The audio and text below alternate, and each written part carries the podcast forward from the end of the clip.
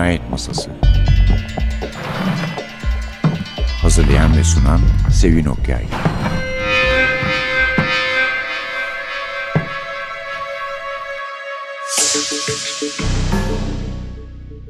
Merhaba, NTV Radyo'nun Cinayet Masası programına hoş geldiniz. Bugün de bir konuğumuz var. O kadar uzun zaman ara vermiştik her seferinde bunu dinlersiniz daha. Bir iki hafta. Alper Kaya ile birlikteyiz. Kitabımız Karınca Karambolü. Aslında tam adı K Polisiyeleri No 1 Karınca Karambolü. Milos kitaptan çıktı. K Polisiyeleri derken bir seri karakteri vardı. Alper'in bundan önce. Kaç tane yazmıştın Alper? Beş tane. Beş tane. Beş tane kitabı çıkmıştı ve Komiser Tahsin serisinden Komiser. Tahsin. Değişik yayın evi de var galiba ama genelde kent kitap değil mi? Evet. Oradan çıkmıştı. Ama bu kitap yani Karınca Karambolü bizi yeni bir kahramanla, karakterle tanıştırıyor. Onun ismine bir kibarlık olsun diye Korhan Karay çünkü. Bunlar da K polisiyeleri devam edeceğini umut ediyoruz. Evet ben de. Güzel. Kolay mı yazıyorsun? Aslında hikaye kafamda oturduktan sonra masa başına geçince kolay ilerliyor. Ama hikayenin tamamen oturması bazen biraz zaman alıyor. Bazen de beklenmedik bir şekilde hızlı gidebiliyor. O yüzden hani şimdiye kadar bu benim 12. kitabım. Bir tanesi sinema kitabı. Onu ayırırsak 11 Evet. tane roman var ve yaklaşık 20 yaşından beri de işte bu kitaplar bir şekilde devam ediyor. Hani demek ki düşünülenden biraz daha kolay yazıyorum galiba. Evet kolay yazıyorsun. En azından bir sıkıntı çekmediğin anlaşılıyor yani. Sinemada animasyondu değil mi? Evet, e, animasyonda zaman kurgusu üzerine. Ben İstanbul Üniversitesi Radyo TV sinema bölümünü bitirirken lisans mezuniyeti için Covid nedeniyle hani film çekemedik, bir şey yapamadık. O yüzden lisans tezi yazdım ve ben de animasyonda zaman kurgusunu incelemiştim. 10 farklı ülkenin animasyon sinemalarından 10'ar yıl arayla çıkmış örnekler. Yani bir ülkeden bir tane, 10 yıl sonra başka bir ülkeden çıkan bir örnek. İşte Arjantin sineması, İspanyol sineması derken işte 2020'li yıllara kadar gelen örnekler üzerinden animasyon filmlerdeki zaman kurgusunun nasıl işlediğini, nasıl çalıştığını gösteren bir çalışmaydı. Güzelmiş valla. Yorar insanı yalnız. Yo benim benim için keyifli oluyor çünkü hani bir şey araştırıp daha sonra onu ortaya koymak bir de kurguyu ben çok sevdim. Özellikle üniversitede işte hocamız İlkay Nişancı'ydı. Onun da bir kitabı var sinemada teoride ve pratikte sinemada kurgu diye. Hani onu da görünce işini de çok keyifle yaptığı için oradan da kurguya dair de bir sempatim oldu muhtemelen. Ve Ha. araştırmak da çok keyif verdi bana. O yüzden de güzel oldu. bir de 221B dergisinde her sayı yerli polisiye roman değerlendirmesi yapıyorsun. O kendi başına bir konu. Onu sonradan ele Tamam. alacağız.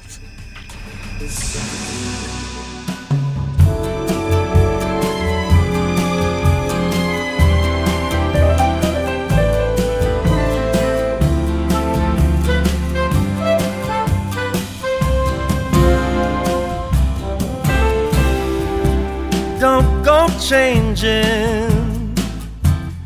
try and please me. You never let me down before. Don't imagine you're too familiar, and I don't see you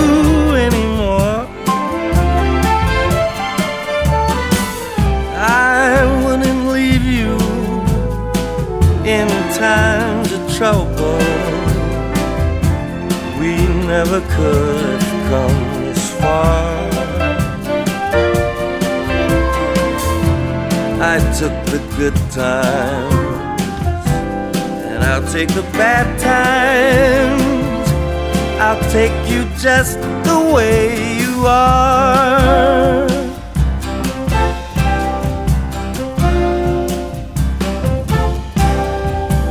Don't go trying some new fashion. Don't change the color of your hair. You always have my unspoken passion. Although I'm might not seem to care.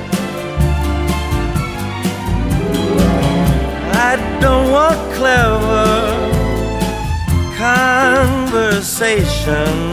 No, I never want to work that hard. I just want someone that I can talk to. I want you just the way you are.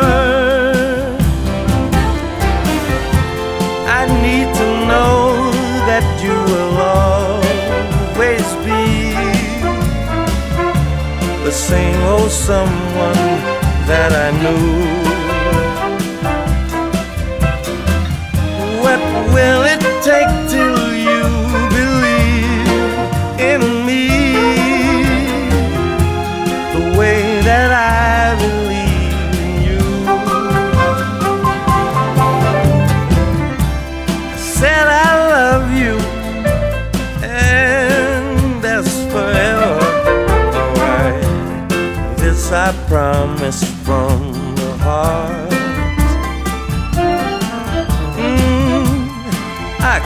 I've loved you.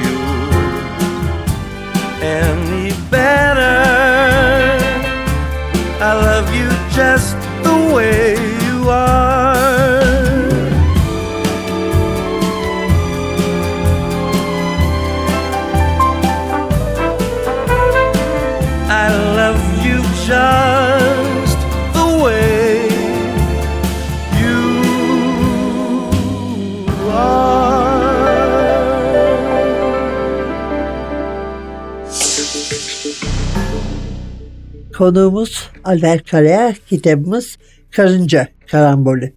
Önce bu kitaptan konuşalım, sonra Tahsin'e de Tamam. döneriz. Fikir nasıl aklına geldi ve seri olsa iyi olur düşüncesine ne zaman ulaştın? Şöyle ben aslında daha önceden işte resmi polis hikayeleri yazıyordum. Fakat günümüzde gelinen noktada şöyle bir şey fark ettim. Her yerde mobese kameraları var. Her yerde HTS kayıtları çıkabiliyor. Yani bir insan suç işledikten sonra tespit edilememesi çok zor. Haliyle hani resmi polis hikayeleri birazcık zorlaşmaya başladı. Çünkü mantıksızlaşıyor gitgide günden güne teknolojiler ilerledikçe. O yüzden resmi polis olmayan bir karakter gerekiyordu. Ben de aynı zamanda spor üzerine yazılar yazdığım için de spor camiasında da birazcık... Gönül de var bir tane. Evet. Evet. Ve öyle olunca da işte bir boksör işte şike soruşturmasından içeri girmiş daha sonra haksız yere hapis yatmış ve çıkmış bir karakter. Bu bana çok cazip gelmeye başladı. Çünkü Türk polisiyesinde yanlış bilmiyorsam hani çok boksör karakter yok. Aynı zamanda şikeden dolayı hapis yatmış da hiç karakter yok. Hiç yok. Öyle olunca dedim bu iyi bir bileşen. İşte yan karakterlerle destekleyince bunun işte kuzeni Utku avukat ve aynı zamanda kendi avukatı. Aynı zamanda işte bu Utku'nun bürosunda çalışan bir hanım arkadaşımız var. Küçük az sayıda yan karakterli ama böyle olay örgüsünü destekleyecek şekilde ve hani sizin de bahsettiğiniz gibi sonraki kitaplar olursa onlara en azından yeni bir kurguya yol açabilecek şekilde karakterleri çeşitlendirmeye çalıştım. E, hikayede kendiliğinden ilerledi çünkü hapisten çıkan ve hani aslında her ne kadar milli boksörlük seviyesine ulaşsa da biz kitabın ilerleyen dönemlerinde öğreniyoruz ki hani aslında küçük bir hayatı var. İşte eşiyle bir işletmesi var. İşten eve, evden işe, işte arada maçlara gidip gelen antrenmanlara gidip gelen birisi. O yüzden mesela AVM'leri görünce bile şaşırıyor. Hani böyle bir karakter. Bu hatta bizim Milos'ta Özlem Hanım aslında çok garipsemiştik başta. Onun üzerine biraz tartıştık. Yani hani bu olur mu olmaz mı yani. Ama daha sonra mesela şöyle bir şey var. Ben şunu öğrendim. Türkiye'de mesela bulunduğu semtten hiç çıkmadan İstanbul'da yaşayan pek çok insan var. Yani bu insanlar hayatları boyunca Taksim'e gelmemiş olan Anadolu yakasının işte en ücra yerlerinde oturan insanlar da var. O yüzden aslında çok da bana şey gelmedi. Hani Aa, böyle Denizi şey... görmemiş olan çok insan var. Kesinlikle. Öyle olunca hani aslında Korhan biraz da sizin bahsettiğiniz gibi denizi görmeden yaşamış bir arkadaş ve o yüzden de şimdi sudan çıkmış balığa dönüyor. Çünkü hayatı boyunca başka hiçbir iş yapmamış. Yani neredeyse hayatını nasıl idame ettirmesi gerektiğini de çok dert etmemiş bir arkadaş. Fakat bir anda yarı yarıya kimsesiz. Çünkü bir tek kuzeni var yanında ailesinden kimse onunla görüşmüyor. Ve hani kalacak yeri bile yok. İşte Cihangir'de işte bu kuzeninin bir evi var onda kalıyor. Bir şekilde hayatını idame ettirmeye çalışıyor. Böyle bir karakter cazip geldi bana. Çok yalnız ama Utku var tabii o yani önemli bir destek. Evet. ona. Tabii yani çünkü maddi açıdan da bir şekilde hayatını idame ettirmesi gerekirken ona destek oluyor. Aynı zamanda ilerleyen şeylerde benim şu anda aklımdaki ikinci kitapta şey var işte bu avukatlık bürosundaki bazı işlere de yardımcı olacak. Çünkü hani avukatlık bürolarında sadece hani avukatlar değil dosyaları takip eden Tabii, işte tabii, evrak tabii, takibini tabii, yapan tabii. kişiler de çalıştığı için öyle bir figür olarak da konumlandırmayı düşünüyorum. E bir yandan da şöyle bir şey var aslında bu tacın altında şu var. Bizde mesela mahkeme polisiyeleri çok da yaygın değil. Biraz da belki o evreye Evet, kayması evet. için.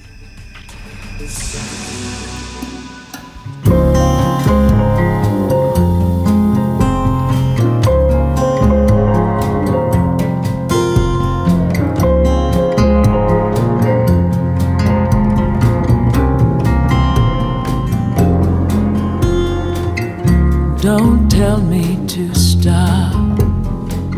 Tell the rain not to drop. Tell the wind not to blow.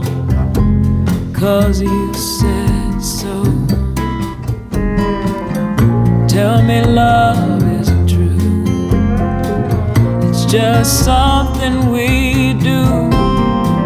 Tell me everything I'm not. Don't tell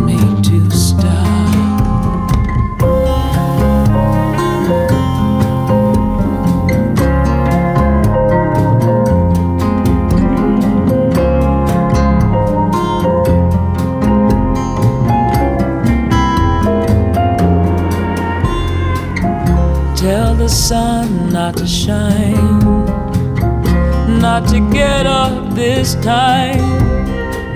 Let it fall by the way. Leave me where I lay. Tell the leaves not to turn. Don't tell me I'll learn. Take the black off a crow.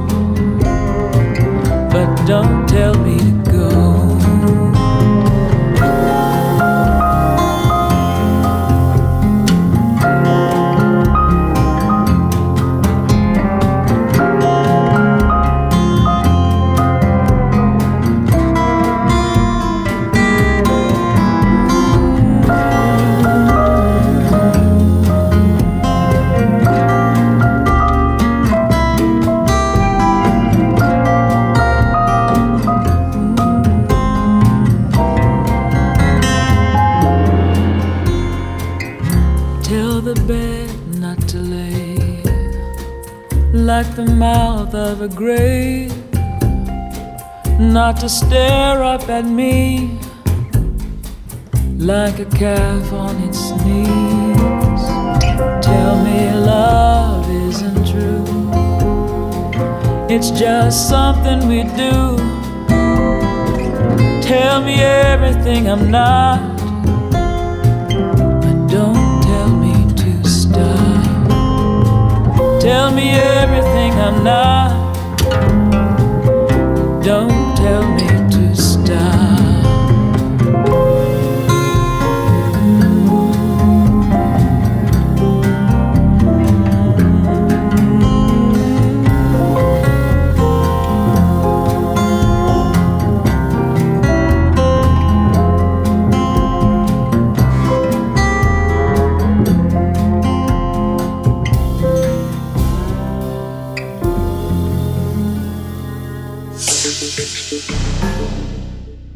İle birlikteyiz.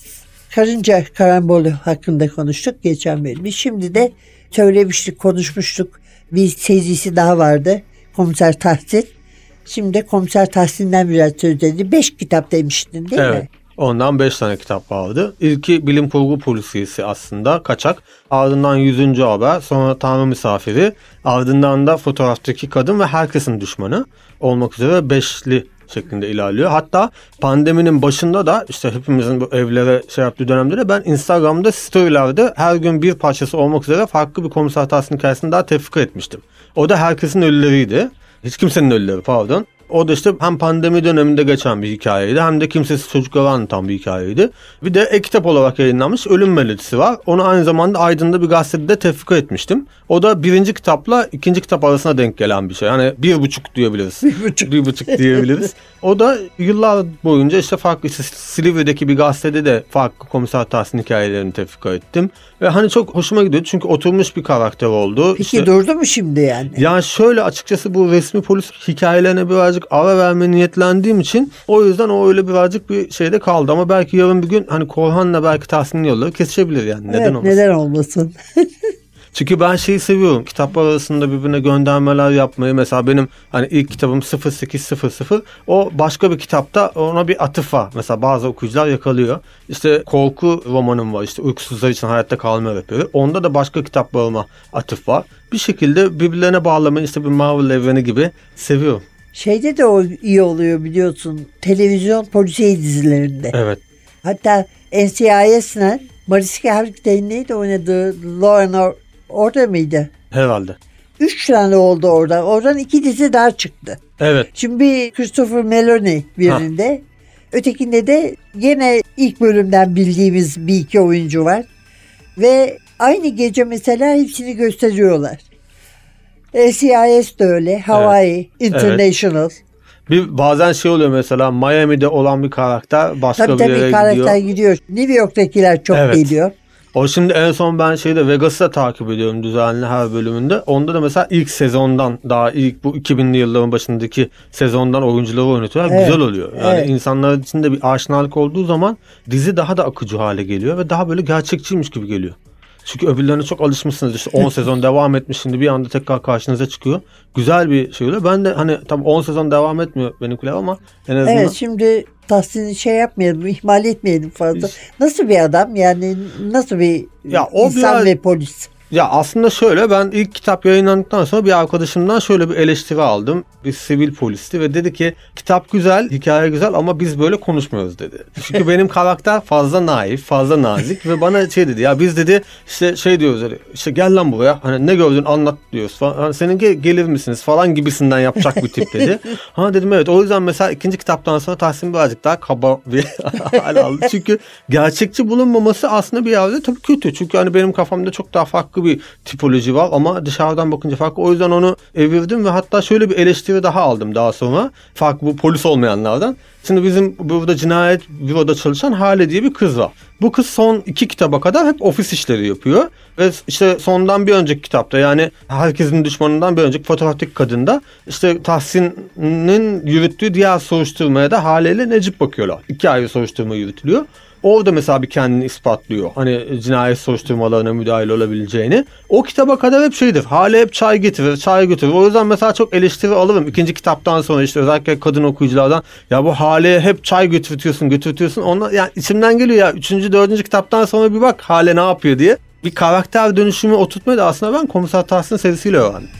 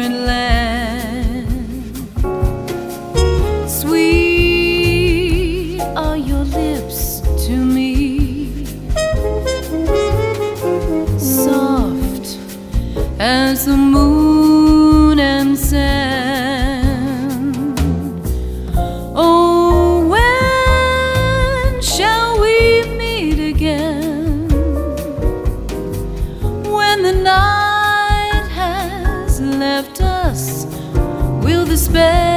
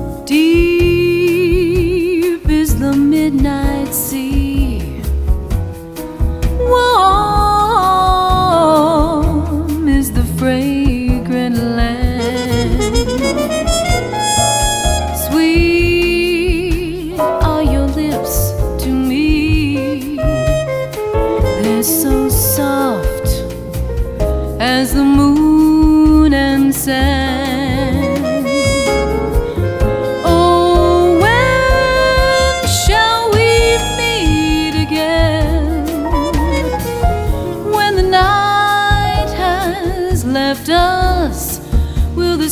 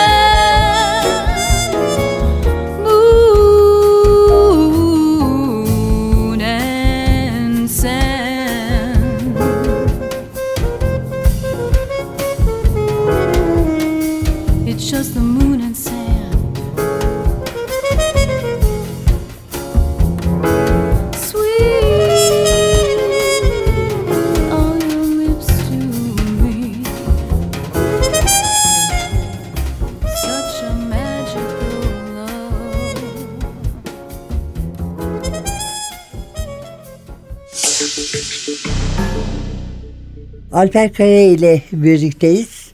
Karınca karambolünden söz ettik. Komiser Tahsin'e anlattı. Biraz az anlattı ama olsun başka yerlere girdik. Şimdi gelelim şu 221 Bey'deki yazılara. Bu benim çok ilgimi çekiyor. Çünkü biz tabii biraz Erol abinin paltosundan çıkmış gibi olduğumuz için yani onlara çok önem veriyorum. O yüzden Osmanlıca öğrendim. Yani o kitaplar o zaman daha çevrilmiyordu. Hani öğrenirsem belki bir tane kitabı çevirebilirim diye. Gerçi son divan edebiyatı gazelleri döndüm. Ama yani böyle bir etkisi olan Tabii. şeylerdi. Onun için unutulan yazarlar konusunda o çok hassastır. Ben de öyleyim. Çünkü yaşı itibariyle ben o yazarların meşhur olduğu dönemi de hatırlıyorum. Yani onun için bu düşüşler insana kötü geliyor. Sen böyle az okunan, pek bilinmeyen defa sadece yerli yazar Evet. yazıyormuşsun ki bu da çok önemli.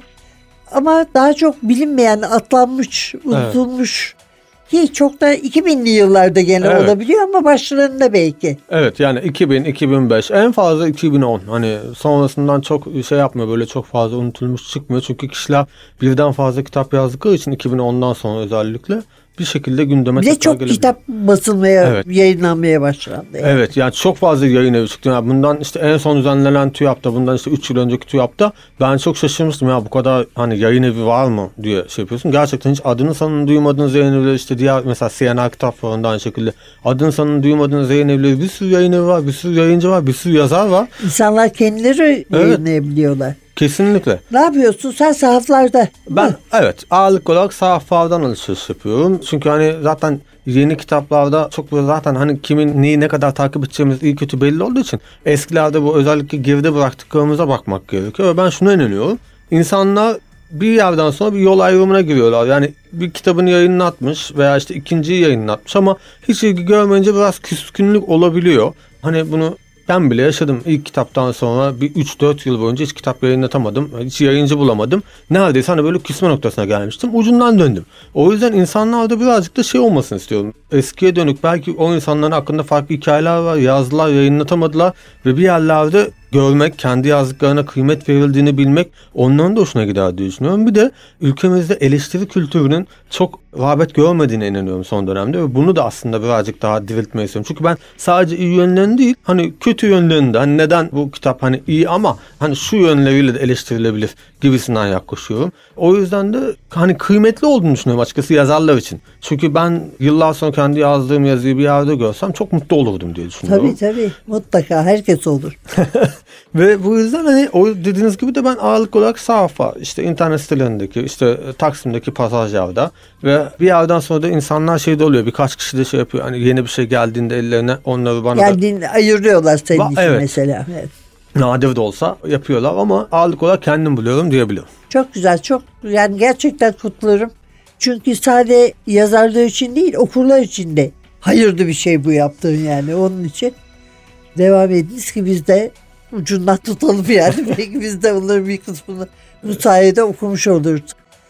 Evet efendim bugün konuğumuz Alper Karay'dı. Yani çok hayret verici çünkü ne zamandır yazıyorsun. Biz seninle sadece ilk değil mi kara haftanın ilkinde öyle bir karşılaşıp muhabbet ettik yani. Evet. Ayaküstü. Onda da ben yeni gelmiştim. Siz gitmek üzereydiniz. Ha, Ayaküstü ha. konuşuyorduk. Vesile olmadı hiç.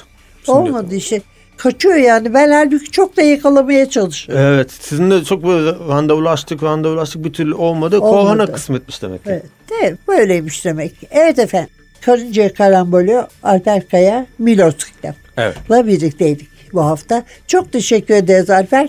Yaz yeni bir şeyler gene seni boşumuzun üstünde konuk edin. Çok teşekkürler. Çok naziksiniz. Evet efendim bugünlük de bu kadar. Prodüksiyonda Atilla, mikrofonda Sevin. Hiç unutulmuş yazar bırakmayacak kadar çok polisiye okumanızı diler. Hoşçakalın.